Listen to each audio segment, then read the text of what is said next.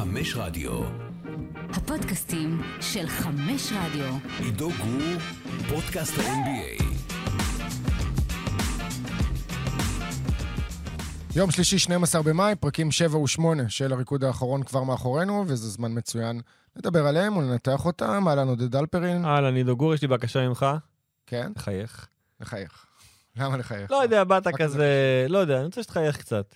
כן, האמת שאני קצת עייף עוד מאתמול, שהתעוררתי בחמש וחצי בבוקר והלכתי לישון באיזה שתיים, אה, והיום השלמתי את הצפייה בפרקים. אה, אה, אתה יודע מה, אני אקח את זה לכיוון אחר, אוקיי. לפני שנדבר על הריקוד האחרון. אנחנו במצב ביניים שהוא מוזר לי יותר מהמצב בתחילת הקורונה.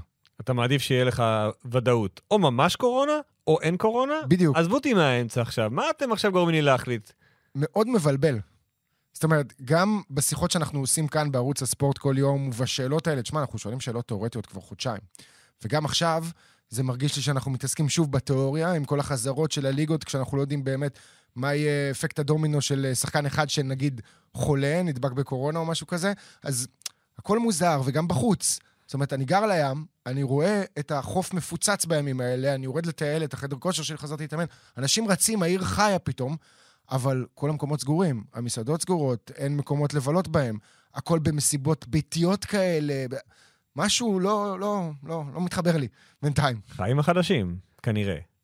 אה, עד- שיחליטו אחרת. אז זהו, שזה לא החיים החדשים, כי אנחנו כל הזמן בשינויים, אתה מבין? ואתה מחפש איזושהי שגרה ורוטינה שתוכל להתייצב לפיה ולהבין איך זה נראה, אבל זהו, סתם אה, אה, מחשבות כאלה של... אה, כולם חושבים אותו דבר, כל אחד מה- מהמקום שלו. אצלנו זה, יש שלושה ימים בגן, איזה יופי, אבל מחר הם שלושה ימים בבית, אז מה עשינו בזה? ויש, מה, הם באים עד שתיים, אולי, מה, שבוע הבא הם עד ארבע? אה, אבל רגע, מי מכין להם ארוחה? מה? לא יודעים כלום. אחד לא יודע כלום. אנחנו חיים, הדבר היחיד שברור, זה שביום שני ב-10 בבוקר, יש שני פרקים חדשים. אבל זה ברור רק לעוד שבוע אחד. זהו, אנחנו לקראת הסוף. הסוף מגיע. אנחנו כבר בפלייאוף, אה, גמר המזרח, כמו שאומרים. כן, עוד שני פרקים נותרו, אה, שיצאו בעוד אה, שבוע, קצת פחות.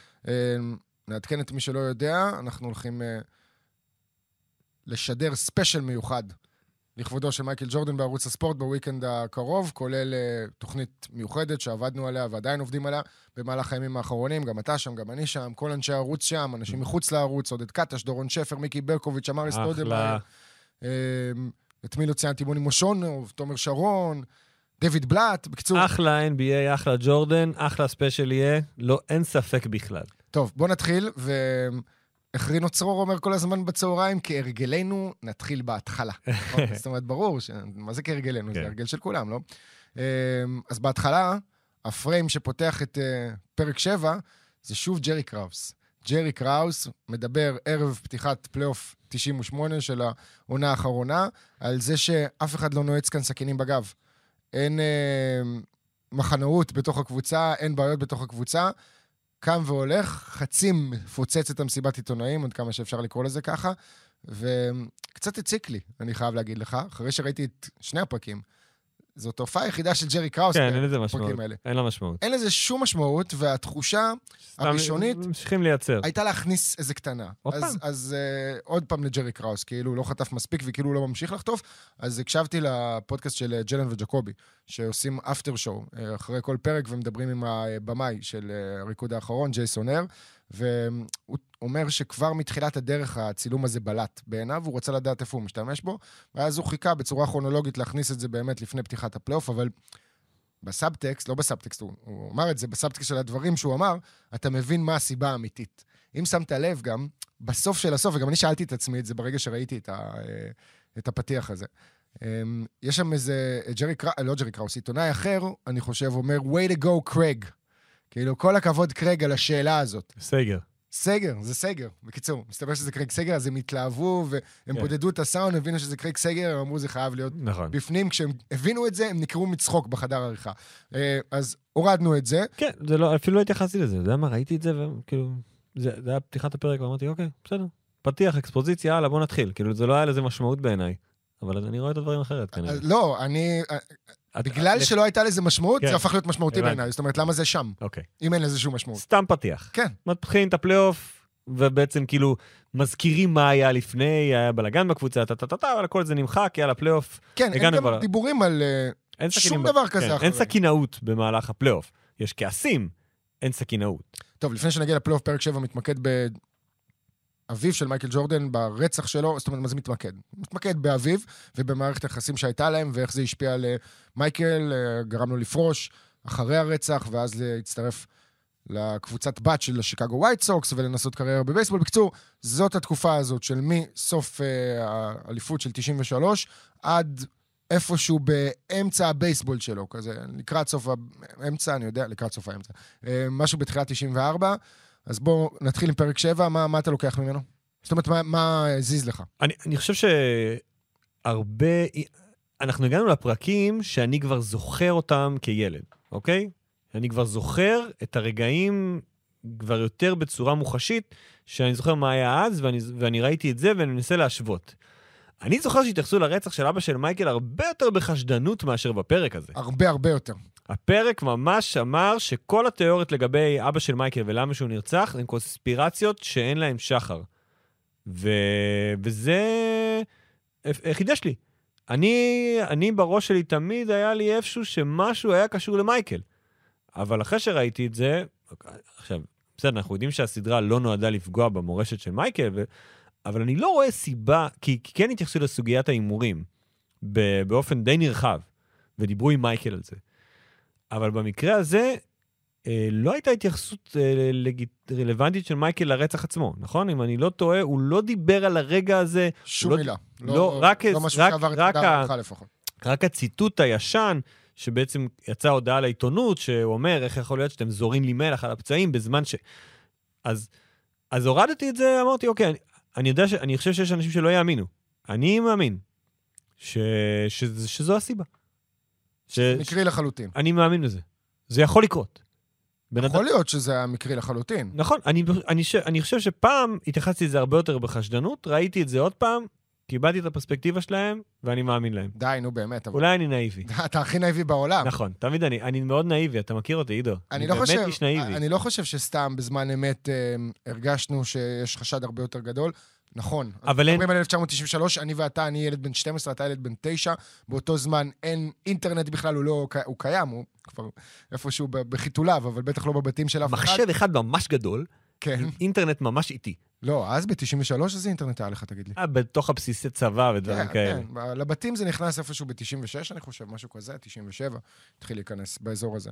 אה, בכל מקרה, אז הדיווחים לא היו כמו שהיום, זאת אומרת, לא קיבלנו את הכל בשנייה אחת באינסטנט לתוך הנייד שלנו, אבל אה, אני לא חושב שזה היה תיאוריות קונספירציה נטו, ואני, שוב, אלך לדברים שכן ראינו בפרק, ואקיש מהם שהסיבה, ש... זאת אומרת, אתה, מה שאתה אמרת עכשיו זה בדיוק מה? שהם רצו לעשות, אני יודע, אוקיי? אני יודע. הם רצו לגרום לך לחשוב שבזה שהם לא אה, נתנו יותר מדי משקל לדבר שאין הזה, לזה משמעות. והם הציגו רק את הכותרות מעיתונים, הם לא הביאו אף בן אדם מומחה שיגיד משהו. אוקיי, פרסמו את זה עיתונאים. איפה אחד מהעיתונאים האלה, אם אנחנו מדברים על דוקו כמו שצריך, ואם מתעמתים עם האמת, איפה אחד מהעיתונאים שפרסם את זה, והיו לא מעט כאלה, עם תיאוריית הקונספירציה שלהם, איך הוא לא עומד מול מיקרופון עכשיו ומסביר את הפרסום דאז, מה היו המקורות, לאו דווקא לחשוף אותם לא, בשמות, אבל אני מסכים. אתה אומר בעצם, תביאו את העיתונאי, זאת עשייה דוקומנטר... ש- דוקומנטרית שהיא... לא עשייה דוקומנטרית, סליחה, דוקומנטרית. אני חושב שהבנו כבר שהעשייה הדוקומנטרית בסרט, ב- בסדרה הזו, היא לא דוקומנטרית ברמה הגבוהה ביותר. זה לא רע. פשוט הם הסתפקו בנקודת המבט של אנשים ספציפיים. זה מסופר מנקודת מבטו של מייקל, שכל השאר זה supporting cast, כמו הקריירה של מייקל ככדורסלן. גם עכשיו, הכל אותו דבר. ולא... אז זה כן, היה את אייזאה, אוקיי? ברמה האופוזיציונרית, אבל לא כל כך יוצאים מעולם הכדורסל. היחיד שראינו אותו זה ג'סטין טימברלייק. ונאס, שדיבר על הנעליים. כן, אבל אגב, ג'סטין טימברלייק, סיפור שהוא סיפר, אה, שאם כבר הזכרת את השם שלו, אני מרגיש שחייבים אה, להעלות את זה. הוא פגש את מייקל ג'ורדן פעם ראשונה במקרה בשדה תעופה במיאמי. הוא היה כבר בן אדם מבוגר, זאת אומרת, מפורסם. אחרי NSYNC, אחרי NSYNC. אחרי NSYNC. הוא אוקיי. כבר ג'סטין טימברלייק, שבריטני זרקה אותו. לא הוא- מטולטל או כן מטולטל? אני חושב שכבר אחרי הטלטלים. פוסט-טלטלים, מה זה? כן. ג'סטין טימברלייק הבוגר, נקרא לזה ככה. וג'סטין טימברלייק מספר שהוא עשה פיפי במכנסיים. ברמה הזו. ב- באמת, זאת אומרת, כן. לא, הוא ממש עשה פיפי במכנסיים בשדה תעופה במיאמי, כשהוא עומד באחד הטרקלינים שם, לוחץ לו יד ועושה פיפי במכנסיים, שזה אחד מהסיפורים הכי מיותרים שג'סטין טימברלייק סיפר בחיים שלו על עצמו. גם, גם המקום שלו בסדרה היה מאוד מאוד מינורי, אלא אם כן יש לו עוד הופעת אורח מטורפת בפרק 9 או 10, לקחו ממנו שלוש, שלושה משפטים. כן, האמת שגם אובמה וקלינטון, אתה יודע, כן. לקחו מהם איזה משפט וחצי. אז אני רוצה לחזור... אה, אז אני, אני מסכים איתך שהם לא עשו את העיתונאות החוקרת. מצד שני, אני באמת, יכול להיות שהם הרגישו שאין סטורי פה, שאין פה סיפור. שהסיפור, אל, אל תחייך אליי ככה. שוב אתה- רציתי לא חיוכים נאיבים, חיוכים אמיתיים. לא, אתה מצחיק אותי, איך אתה מנסה כל הזמן, אתה יודע, לסדר את הדברים כך שכולם יהיו בסדר, שהמספר בסדר, שאף אחד לא חורג. לא, יש, תפקידו- יש, יש לי ביקורות, אני אגיע אליהם אחר כך. אוקיי, אני רוצה להגיד כזה דבר. תגיד. אמ, וזה משהו שחסר לי בסדרה גם. זאת אוקיי. אומרת, אמרת את זה השנייה בעצמך, קצת אופוזיציה מהזיה תומאס. אנחנו אמ, שמענו את ג'אד בוצ'לר, שנכנס לפרקים 7 בנטפליקס, ו-8. בנטפליקס הוא קוראים לו בוכלר. בוכלר, כן. אה, ששיחק עם מייקל בשנים האלה של הטריפית השני, והוא אומר שאנשים פחדו ממנו. אנשים פחדו לדבר לכיוון שלו, אנשים חששו מדברים שהם עושים ואיך הוא יגיב עליהם.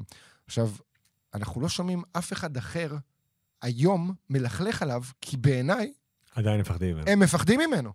הם לא רוצים להיות האנשים שמלכלכים על מייקל, שאומרים איזה משהו אחד לא במקום. שים לב שגם אלה שאומרים דברים כביכול לא הכי מחמיאים, הם אחרי זה... הם מסייגים הם ואומרים מסייגים, בדיוק. שבדיעבד זה עזר להם. כן. מי אמר את זה? ונינגטון. ביל ונינגטון? ונינגטון, אני חושב וויל פרדו אמר את זה. כן, שהוא היה באמת, הוא, הוא, פג, הוא הרס, הוא עשה דברים רעים, ושהוא היה לא נחמד, ושהוא פגע בנו וכעס עלינו, אבל הבנתי אחר כך שהוא בעצם רצה לעזור לי.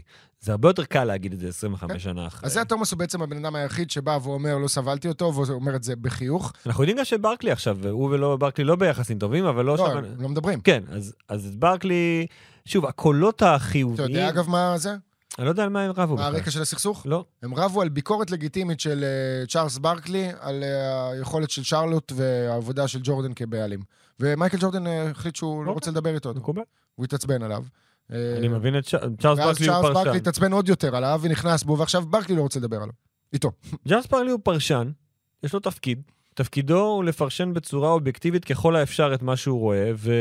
ושרלוט קבוצה גרועה כבר הרבה מאוד שנים. כן. לא נראה לי שיש פה הסתכלות אחרת על המצב. לא, גם אם מסתכלים אה, מקצועית מה מייקל ג'ורדן עשה בוושינגטון, אז... אה, מישהו אמר, אני לא יודע אם קראתי את זה, או מישהו אמר לי, איזה דיסוננס יש במייקל ג'ורדן השחקן, שלא היה מוכן להפסיד ולא היה מוכן להסתדר עם בינוניות, לקבוצה שהוא הבעלים שלה.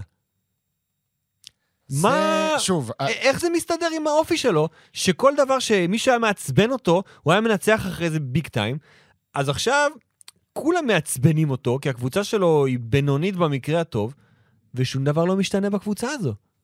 אז מה, אז, אז פה זה כבר, זה יותר דומה לבייסבול? לא, לא. אז למה זה דומה? מי מי אמר לך את לא זוכר. אז uh, אם תיזכר, תגיד לו שמייקל ג'ורדן סופר את הכסף בדרך אל הבנק, אוקיי? ובכל מה שקשור לקבוצת NBA, לקחת אליפות אתה לא יכול, אם אין לך סופרסטארים ענקיים ואתה לא מגיע לאיזה בחירת דראפט. הניהול שלו הוא ניהול לוקה בחסר מבחינה מקצועית, אבל הוא נכנס לקבוצה הזאת בגרושים, בכמה עשרות מיליוני דולרים, ועכשיו שווה מיליארד ומשהו, והוא מחזיק את רוב המניות בקבוצה. אז הוא ניצח. הוא ניצח. גם מבחינתו- במשחק הזה. מבחינתו הוא ניצח, הוא במשחק של בעלים, לא על אליפות. הוא במשחק על מזומנים. הוא לא יכול להשפיע באופן ישיר על האליפות, זאת אומרת, הוא יכול לעשות הרבה מהלכים שחלקם יהיו מצוינים, וזה לא... אתה יודע מה? זה טוב, זו נקודה שרציתי לדבר אה, עליה, אה, ולצאת קצת מהפריזמה עכשיו של מייקל ג'ורדן, אה, דרך משהו שראינו ב... במהלך הסדרה. קודם כל, חוזר ל-89, לזריקה נגד קליבלנד. אוקיי. לני ווילקינס מאמן, קרייג אילו שומר את ג'ורדן, רון הרפר, definitely, שומר יותר טוב, אה, יותר אתלטי, יותר מתאים להתמודד עם מייקל ג'ורדן, לא שומר אותו, הכדור נכנס, שיקגו מנצחת 3-2, המיתוס מתחיל. פרק 8, אני קופץ קדימה, לגמר נגד סיאטל, גרי פייתון לא שומר על מייקל ג'ורדן בשלושת משחק המשחקים ארבע. הראשונים, כי ג'ורג' קארל לא רוצה לעייף אותו בהתקפה. באמת. עד משחק 4, שם מייקל ג'ורדן נעצר על 6 מ-19, סיאטל מנצחת שני משחקים ברציפות, היא הקבוצה השנייה בהיסטוריה, והשנייה האחרונה גם, אה, והאחרונה, סליחה, לא השנייה האחרונה, שחוזרת מ-0-3 וכופה משחק שישי בכלל, אוקיי? כי כל שאר הקבוצות שהיו ב-0-3, או שחטפו סוויפ או שהפסידו 4-1. אה, עכשיו, שוב, יכול מאוד להיות שאם רון הרפר היה שומר עליו, הכדור הזה עדיין היה נכנס. ויכול מאוד להיות שאם גר- גרי פייתון היה שומ, אה, שומר עליו מהמשחק הראשון של הסדרה הזאת נגד סיאטל, שיקגו עדיין הייתה לוקחת אליפות. אבל חשבתי על זה שלני ווילקינס וג'ורג' קארל, אנשים שלא מזכירים את השם שלהם כמעט בפרקים האלה, בסדרה הזאת, השפיעו בהחלטות שלהם קטנות, עד זה, כמה... זה דלתות עד מסתובבות. כמה הדלתות המסתובבות האלה מורכבות. זאת אומרת, הן מורכבות מכל כך הרבה שחקנים פעילים, שזה מדהים. בוא נגיד שלאלי... ו- וזה גם, רגע, רק דלתות אה, מסתובבות, נסגור את זה, מעבר לדלתות מסתובבות, חשיבות ניהול משחק של מאמן כדורסל, אין דומה לה בשום ענף ספורט. לא כדורגל, בטח לא כדורעף, פוטבול, כדוריד, לא יודע. אני לא אכנס לזה. כי זה דיון- ארוך שאנחנו לא נוכל לצאת ממנו. למרות שפוטבול אפשר. לני ווילקין זה מהלך אחד. גרי פייטון, שלושה משחקים, אתה לא שם אותו על מייקל ג'ורדן? למה, מי ישמור עליו? ועוד שחקן ההגנה של העונה באותה שנה. כן, עכשיו, הפוינט גארד, הפוינט גארד slash גארד האחרון שנבחר לשחקן ההגנה של העונה. עכשיו אתה אומר, אוקיי, מילא, משחק ראשון, אתה אומר, משחקים אצלך בבית, כאילו, מה, לא תשים את... תנסה, הפסדת כבר, פעמיים, שלוש. אתה יודע כאילו- מה עוד תפס אותי מהמשחקים האלה? מה? התוצאות. אוי, איזה נמוך זה. מה זה? היום, אתה לא, אתה סוגר את הטלוויזיה באמצע המשחק. תקשיב, זה תוצאות של רבע שלישי. זה תוצאות של אה, כדורסל יווני, של נכון. פעם. נכון. 83-70, 87-76, מלא... אף קבוצה לא עוברת את המאה כמעט. אתה יודע, פה ושם כמה משחקים בודדים בסדרות גמר האלה ובכלל בפלייאוף. אתה רואה ניו ג'רזי מנצחת את אה, זה גם בפרק 7 או 8, אני כבר לא זוכר, זה כבר פלייאוף 98, ולא מנצחת. עושה, נותנת שם fight. שרלוט הייתה זאת שניצחה. בקיצור, אה, לא, תוצאות מדהימות. תוצאות מדהימות. לפני נמוכות 20 שנה, זה נראה. זה נראה כמו כדורסל אחר לגמרי ברמה, במה שאנחנו זוכרים, לפחות מבחינת המהירות. אמ, אם נחזור רגע לאבא של מייקל, אז ידענו, אני חושב, מראש, ידענו לפני כמה המקום שלו היה משמעותי בתוך החיים שלו, והיה ברור שכל סיפור הבכי, ובאמת מה שקרה בגמר, יקבל את ה... נקרא לזה את המקום.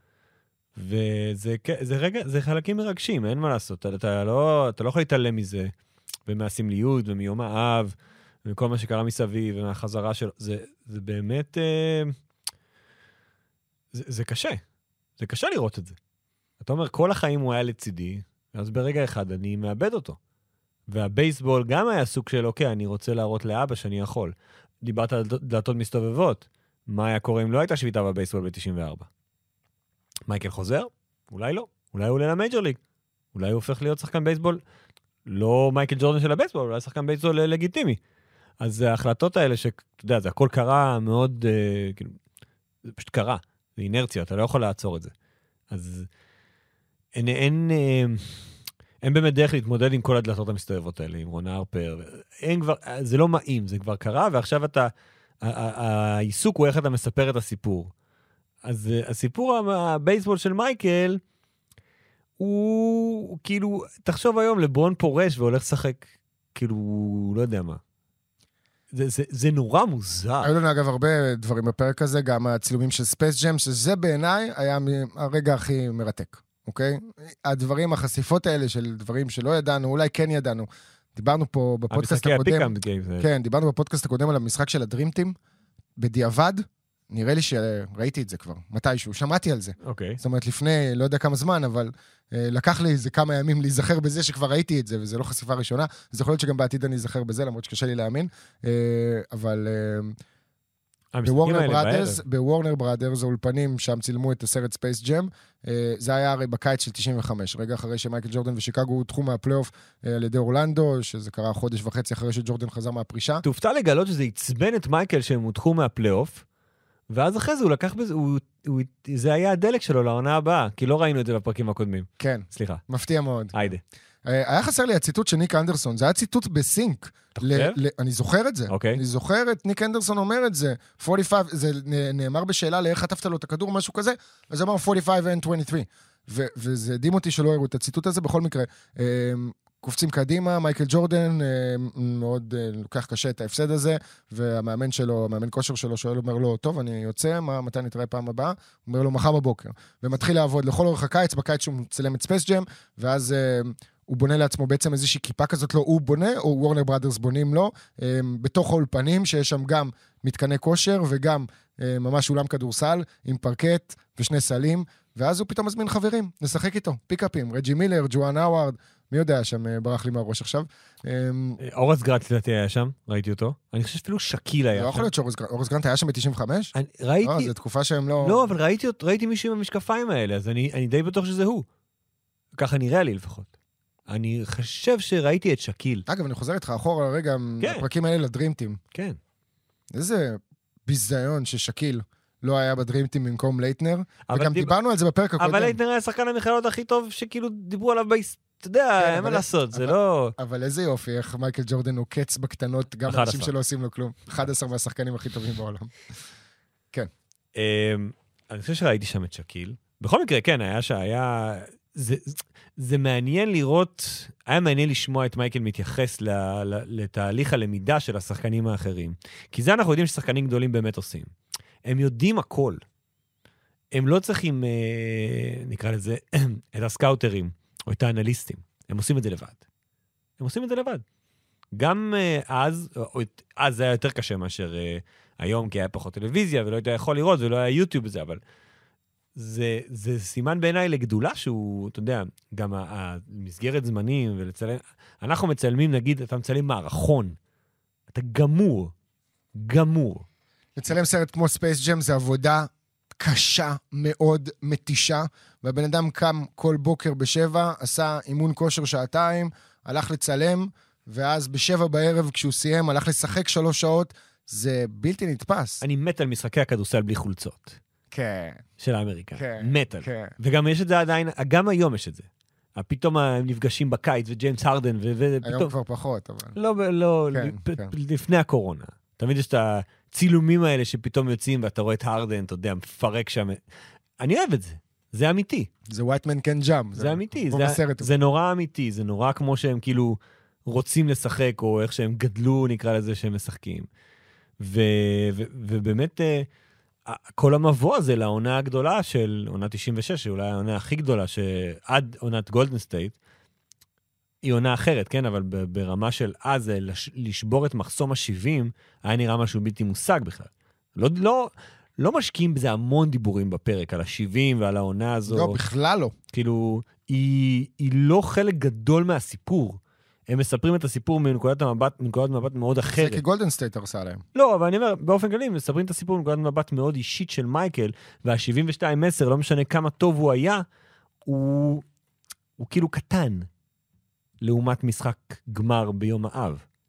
יפה, אז uh, משחק הגמר uh, השישי נגד סיאטל ב-96 היה ביום האב, ב-16 ביוני, בעצם אה, מייקל ג'ורדן כבר uh, בלי אבא בשלב הזה, וזה מה שקצת הרגיש לי מוזר, איך שפרקים 7 ו-8 הסתיימו.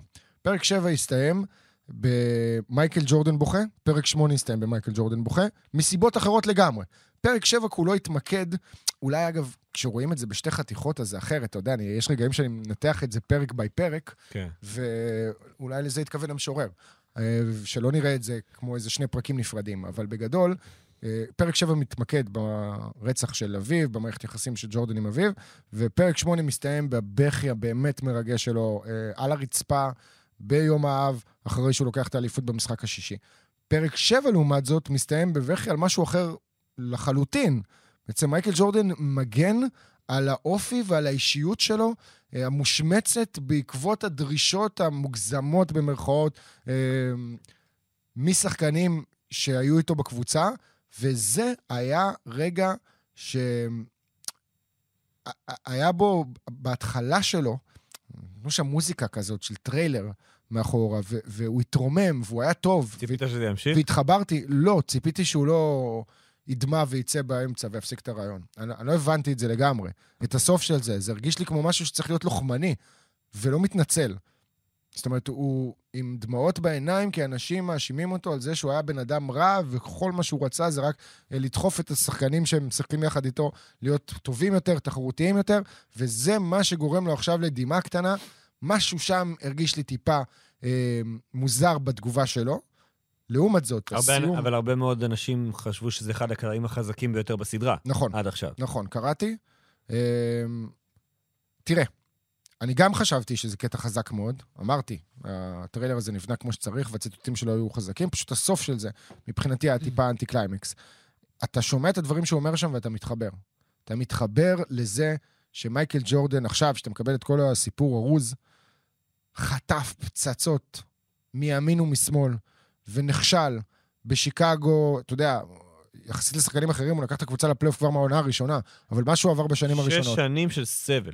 עכשיו, המניאקיות הזאת שלו, היא מתחילה אה, להתגלות, או מתחילה לצאת ב- ב- בעוד אה, מלכותה, לא, ב- בעוד, נו, איזה מילה חיפשתי? רוממותה. ב- ב- ב- משהו, ב- בשיאה. אה, לא משנה. היא מתחילה לצאת ב-95, אחרי החזרה, לא ב-93. וצריך לזכור שב-95 זה קבוצה אחרת, זה שחקנים חדשים. אף אחד מהם, חוץ מסקוטי פיפן, לא עבר את המסע של שלוש, שלוש האליפויות הראשונות. זאת אומרת, מייקל ג'ורדן מגיע לקבוצה שהוא מכיר בה חבר'ה חדשים, חלקם לבנבנים חביבים כאלה נראים, אחד אוסטרלי לוק לונגלי, אחד ביל ונינגטון, אה, סטיב קר. כמובן הסיפור עם סטיב קר, והמכות הקטנות ביניהם באימון, ואיך ככה הרווחתי את הכבוד של מייקל. תשמע, זה, אני חייב להגיד לך, הקטע עם סטיב קר אכזב אותי מאוד, כי הוא היה ה... כאילו נלקח מהתסריט הכי הכי בנאלי אבל זה קרה. אמריקאי, בסדר, זה קרה, אבל איך שזה סופר גם. זה סופר בצורה כזאת של, אני חושב שזה מה שגרם לו לתת לי את ה... זה- לא יודע, משהו שם, זה, זה, זה סטיב קר, אתה מבין? זה בן אדם שכבר עשה איזה דבר או שניים מאז, שהגיע לגדולה גם בקבוצות אחרות כשחקן כדורסל וגם כמאמן כדורסל, ולא יודע, לא הרגשת שהוא קצת כזה מת, חצי, לא יודע, מתחנף, אני אקרא לזה? למייקל, בסגנון שהוא דיבר שם ואיך שהוא דיבר שם? אני, אני חושב שאנחנו, שוב, אה, מסתכלים על הסדרה הזו לא, לא בפרספקטיבה של אוהבי כדורסל, אלא בפרספקטיבה של הקהל הרחב, אז הקהל הרחב רצה לשמוע את זה, כי ככה הוא רגיל לקבל. כן, אבל מי ככה- ששומע את הפודקאסט שלנו זה לא הקהל הרחב. לא, לא אנחנו, אני אומר, כשאני מסתכל על, הס, על, על הסצנה ולמה היא שודרה ככה, למה היא צולמה ככה, כי ככה, כי אתה יודע, כי היה פה את ה... אתה יודע, הם רבו באימון, ואז מיד הוא התקשר אליו והתנצל, ו-this is how I won his... כאילו, זה סיפור קלאסי של אמריקאים, והוא מסופר בדרך הכי אמריקאית שיש, וסטיב קר, למרות שלפעמים הוא לא פוליטיקלי קורקט, ואנחנו יודעים שהוא לא, במקרה, אני חושב שהוא איש מאוד מאוד חכם, סטיב קר. הוא יודע מה הסדרה הזאת, ומה תפקידה בחייו של מייקל ג'ורדן, ובתפקידה ביצ... ביצ... ביצ... ועדיין הוא הצטלם עם חולצה של גולדן סטייט. לא משנה, לא משנה. ברמה התודעתית, הוא ידע מה צריך להגיד כדי לעשות, כדי שזה יצא נכון. אגב, בשולי הדברים ראינו שסטוקטון לא, סירב להתראיין כי הוא לא רצה להתייחס לפולחן האישיות של מייקל, שזה מעניין. בסוף הוא התרצה. הוא דיבר? הוא ידבר בפרקים האחרונים. אה, אוקיי. ב... עד פרק 8 הוא לא דיבר, לא ראינו את סטוקטון. כי עד פרק 8 עוד אין יוטה. לא היה יוטה, אבל לא היה ב-9-10 הוא ידבר? היה 97 יוטה? כן, שנתיים רצוף. לא. תודה שאתה... אה, לא, לא הגענו. אני שואל לא אם בסדרה. עדיין. לא לא. הגענו עדיין. בסדרה לא ראינו כלום מ-97? אנחנו עכשיו סיימנו את 96 עם האליפות. נראה לי. כן, אבל אנחנו על שני צירי זמן. אה, נכון, אתה צודק. אנחנו רק כן, אנחנו ב-98. ב-97 ראינו 8 את ואז אנחנו יוטה, מתקדמים ראינו את כרונולוגית. יוטה עד- מנצחת ביוטה את המשחק ההוא, אוקיי? זאת אומרת, 8, 9, 10 אמורים להיות פרקים כמעט כולם מלאים ביוטה. כן. אה, לפחות סינק- הורנסק אחד אני רוצה. ג'ון סטוקטון ידבר, אני דווקא בעניין של גרג אוסטרטג. אה, אוי, ופוסטר. ו- אה, פוסטר, ויש כן. איזה. backup. איזה. backup כן. לא רלוונטי. אז, אז שוב, אז סטיב, בסדר, זה, זה חלק מה, ממה שהוא צריך לעשות, זה, זה, הוא יודע את התפקיד שלו בתסריט. ב talking heads, למרות שאנחנו חושבים שאין תסריט, יש תסריט מאוד ברור. גם אם לא אומרים להם מה להגיד, הם יודעים לאן מכ- מכוונים אותם. בוא נדבר על הרגע הזה. תזכיר לי מה חשבת ברגע הזה. אני אראה לך את זה, ואתה תגיד... הם יודעים איך לקדם את התסריט, האמריקאים מעולים בזה, דיברנו על זה, בטח ESPN ו-30 על 30, הם יודעים לבנות, זה, זה באמת עבודה שלהם, לבנות talking heads, ראשים מדברים, ב- ב- ב- באומנות הם עושים את זה, אז גם זה פשוט מקדם את הסיפור קדימה, אין לזה...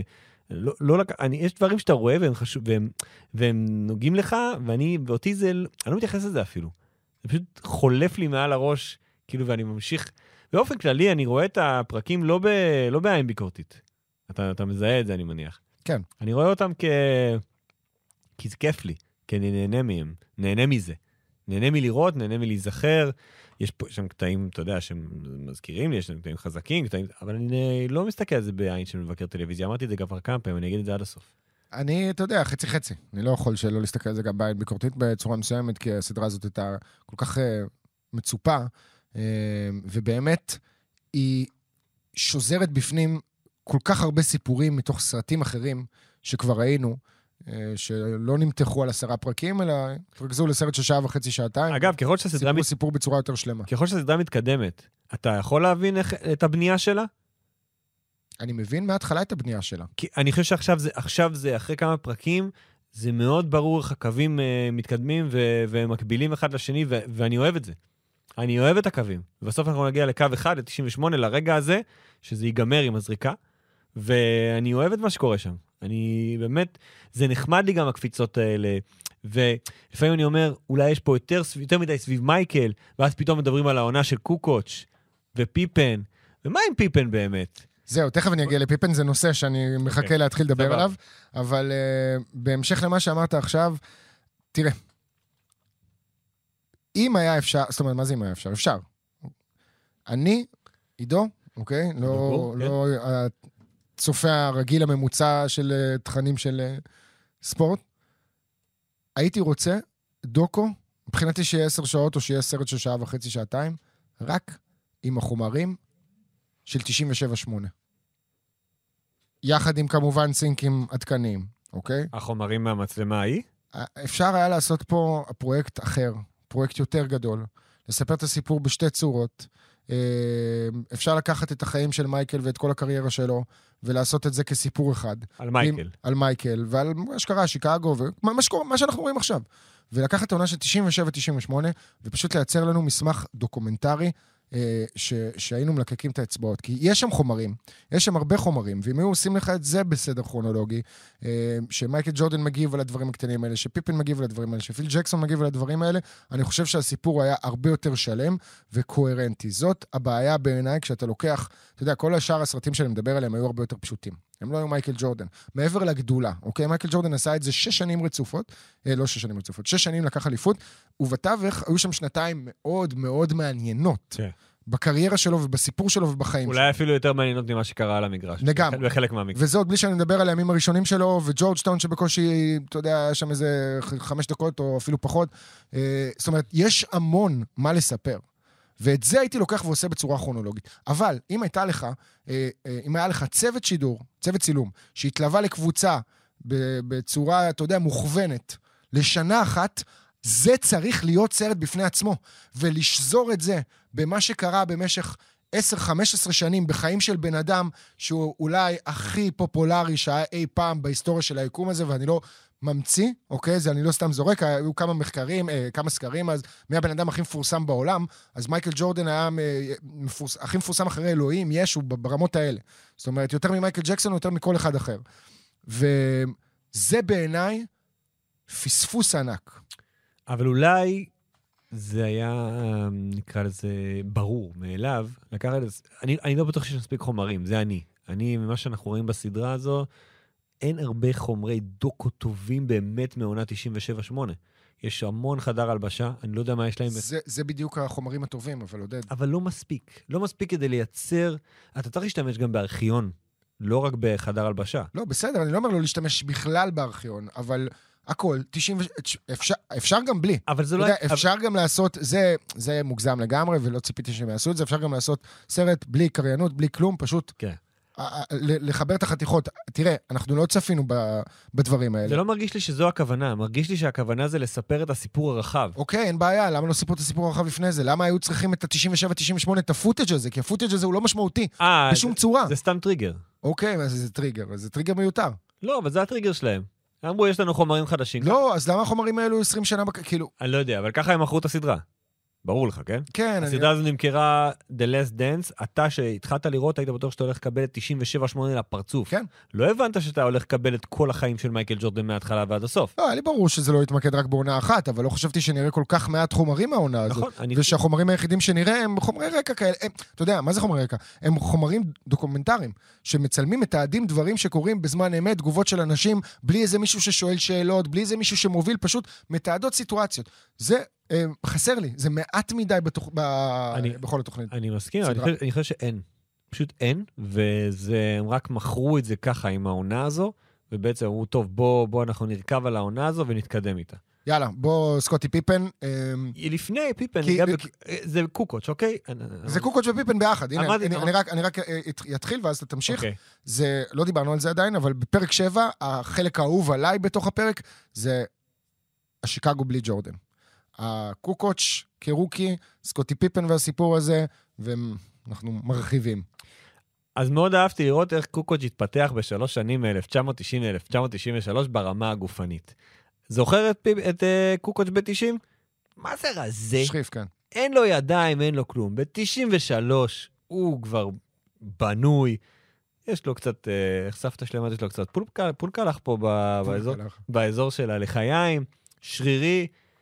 גם בשנות ה-90 ידעו לבנות שחקנים ב-NBA. ידעו לבנות אותם ברמה הפיזית, או להכין אותם למה שהם הולכים להתמודד איתו. וגם שקוקוש לא היה שחקן הגנה טוב, כמו שנאמר, הוא עדיין היה... וואו, באמת, היום היינו, דיברנו על זה, היינו מתייחסים אליו כאילו כדונצ'יץ', והוא פשוט הגיע במצב מאוד מאוד לא פשוט לשיקגו, בחלל הזה שאחרי ג'ורדן, והוא לא יכול היה למלא אותו. גם לא ציפו. ציפו מסקוטי. ובאמת הסצנה, הרגע הזה, הסיפור הזה על הסל נגד הניקס, הוא אחד הסיפורים הטובים ביותר שראינו בסדרה. גם בדרך שהוא נבנה, וגם באמת, ברג... זה באמת רגע מעורר מחלוקת. זו, כאילו שהכוכב שלך, סקוטי פיפן, שוב פיפן, שוב אתה עם השטויות שלך, מה אתה לא עולה למגרש? ומראים, הוא כלה חמישה סלי ניצחון באותו עונה. יש פה מאמן, פיל ג'קסון הביא אותך לשלוש אליפויות. אתה לא סומך עליו שהוא יקבל את ההחלטה הנכונה? מה, השמש, כמה השמש זורחת לך מהתחת, וזה גם לא מתאים לו, כאילו, לפי ה... כל מה שבונים מסביב. זה נורא מוזר. כן. זה נורא מוזר. כן, זה היה ממש ממש מוזר. גם, אתה מנסה לנתח את המחשבה שלו ברגעים האלה, והוא אומר, מה, הוא רוצה שהמשחק ייכנס להארכה, וכאילו לקחת כדור ולהכריע אותו בעצמו? זה, יש לך כדור שנייה שמונה לסוף, זה לנצח משחק בסדרת פלייאוף. אתה עכשיו נכנס פה למי לוקח את הזריקה? מייקל, באמת? בגדולה שלו, שלח את הכדורים לפקסון. כי פקסון היה חופשי. לא, בוא, מייקל לא שלח לא. לפקסון, מייקל מסר לסקוטי, שמסר להוראס גרנט, שמסר לפקסון. לא, לא משנה, אבל ב- במשחק ההוא... אה, ב- לא, אתה מדבר על האליפות הראשונה ב-91. כן, נגד הלייקר. נגד הלייקרס. במשחק ההוא, הוא אמר, אוקיי, הולכים עליי כולם, אני מוסר לפקסון, אני סומך עליו. אז אתה גם אומר, אתה גם אומר לקבוצה שלך, אני מעליכם, גם אתה אומר לקוקוץ', אני לא סומך עליך, וגם אתה אומר לפיל ג'קסון, אני לא מקשיב לך. העובדה שהוא המשיך לשחק איתם בכלל, היא מדהימה בעיניי. זה עילה לטרייד, דבר כזה. זה עילה לטרייד. הכי מצמרר בעיניי, לשמוע על ביל קרטרייט והנאום שהוא נתן שם בחדר הלבשה אחרי הניצחון הזה של אה, שיקגו על הניקס. אגב, 94, מאי, אני הייתי במשחק החמישי של הסדרה הזאת במדיסון סקוויר גארדן, אה, שהניקס ניצחו לו ל-3-2, זה חזר אחרי זה למשחק שביעי, אם אני זוכר נכון, בשיקגו, בניו יורק, אבל אה, סקוטי פיפן, זו הנסיעה הראשונה שלי לחו"ל, לארה"ב, הגעתי כאילו לניו יורק, פעם ראשונה, בר מצווה ככה, אה, התאהבתי. ואחרי זה גם המשכתי לאורלנדו ונהייתי אוהד של אורלנדו בגלל ש... סתם, לא נהייתי אוהד של אורלנדו בגלל שהגעתי אליה, נהייתי אוהד שלה עוד לפני זה, בגלל פני ושקיל, לצערי, הרב. אוקיי, אגב, חסר לי זה, כבר כאילו, הראו אורלנדו. כן, הראו אורלנדו. לא משמעותי. לא התייחסו לזה ממש. אורז גרנט. בקיצור, אה, אני רוצה לחזור לפיפן, ולעונה הזאת. כי אני חושב שאמרתי את זה לך כאן בפודקאסט, ו... שסקוטי פיפן אף פעם לא קיבל את ההזדמנות להיות באמת מספר אחת, והוא באמת לא קיבל אותה יותר מדי זמן. לעשות את זה שנה אחת זה לא מספיק. זה לא לקבל את ההזדמנות הזאת. להוביל קבוצת NBA לבד, זה משהו ששנתיים, שלוש, לפני שבוחנים אותך. ועדיין, בשנה היחידה הזאת, הוא הגיע למקום השלישי במרוץ לתואר ה-MVP, כשהאקים נבחר, ודייוויד רובינסון היה שני. אחריו, אגב, בעיתונאים בחרו את אה, שקיל, פטריק יואינג, גרי פייתון ושון קמפ מקומות 6 ו-7, קרל מלון. מרק פרייס עוד היה שם בטופ 10, כאילו קיבל וואו. קולות ל-MVP, ו? ואפילו קווין וויליס.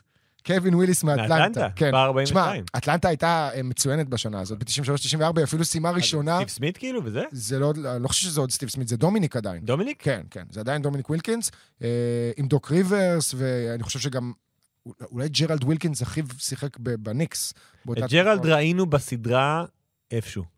אבל קווין וויליס היה power בשרלוט? של אה, בניו ג'רזי? איפה ראינו את ג'רלד ווילקינס? זוכר את הפרצוף איפשהו, ראיתי אותו. לא זוכר, לא משנה. אני לא זוכר. אוקיי. ג- לטרל אה, ספרי, לא, לא, לא, ספריוול שיחק אז בגולדן סטייט בכלל, זהו.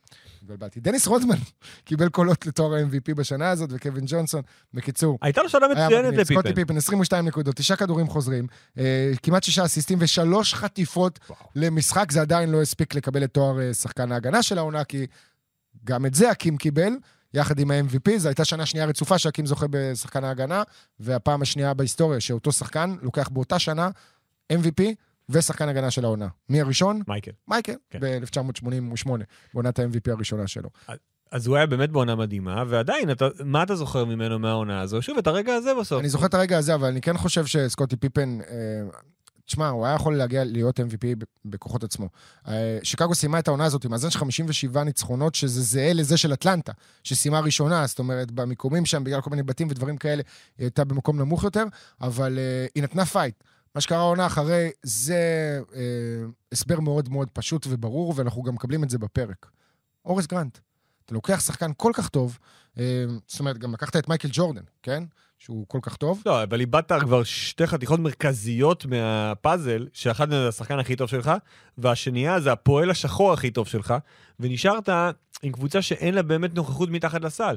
וגם ב- בקבוצה הראשונה של שיקגו, עד שלא הגיע קרטרייט במקום אוקלי, הם לא הצליחו להתקדם, ואז הגיע גרא... כאילו, הקבוצה הזאת היא, היא נבנתה במשך כמה שנים, והם עשו שם rebuilding.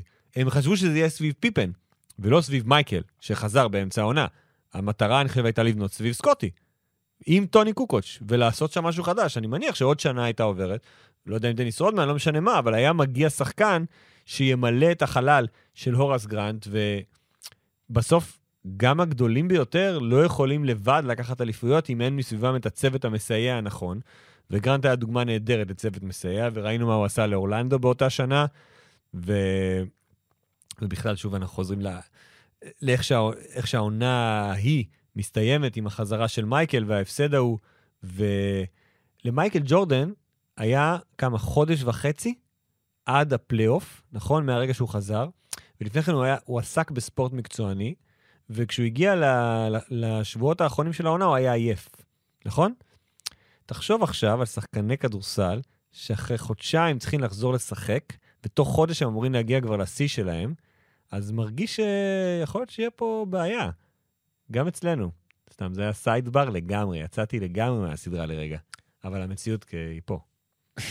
כן, עזוב את המציאות. בוא, עזוב את המציאות. בוא כן. נדבר על דברים שקרו לפני 20 ומשהו שנה. אמ, אנחנו מסיימים.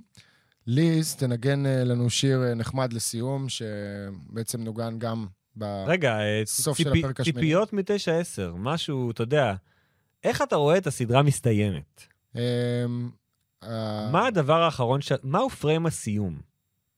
הגיבור מת? הוא לא מת, אבל הוא חי. הוא לא מת? לא. יש גיבור אחר שמת, בסדרה אחרת, פריים סיום. כן? אה, פריים סיום. זה יורד על סינק? זה יורד על שוט?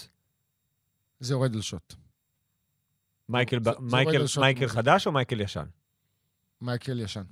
זה יורד על שוט מ-98. כן, משהו כן. שלא ראינו עדיין?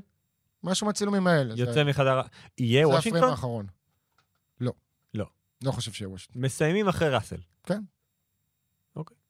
אמ, שלחתי לך בוואטסאפ, ליז. אה, שואלת מה, איפה, הטלפון מאחורי, אתה? מבין איזה מקצוענית? יושבת ככה מול הקונסולה, לא לא מסתכלת איזה הודעות. היא עורכת בין אנשים. 6 ל-8, מפיקה בין 6 ל-8 תוכניות במקביל. אז אתה צריך, אתה יודע, לקחת את הכל בהבנה ובאהבה. כן, אחרי שעה איתך ועם מנהיים, שעה איתי ועם איתך, ועכשיו שלוש שעות. עם ג'ובה ורז עם זהב. ג'ובה ורז זהבי וקופמן, ו... יהיה פה שמח. יש- גם נדב ויעקב. יש לה עבודה. אז, אז מעניין באמת לראות מה, מה עוד נשאר במחסנית של השוטים שלא ראינו. כי זה, כי כאילו פה אנחנו אמורים לקבל את הסחורה. אם לא קיבלנו אותם, עד עכשיו, אז אולי בפרק 9-10. הסוף של אה, פרק 8 אה, מגיע עם הבכי הזה של מייקל ג'ורדן וכל המהלכים מהמשחק השישי נגד סיאטל בגמר 96 ביום האב. Teardrop. במקור של מאסיב אטאק, זה ביצוע מחודש של חוזה גונזלס. מאוד יפה. ממש יפה, כל כך מתאים, עם סאונדאפים. ככה עושים טלוויזיית ספורט. בצורה מושלמת. תודה שהאזנתם, אנחנו אה, נחזור עוד שבוע לסכם את הסדרה כולה, אולי אנחנו צריכים שני פרקים אחד שזה, ואנחנו ממשיכים עם השיר הזה עד הסוף. ביי ביי. ביי.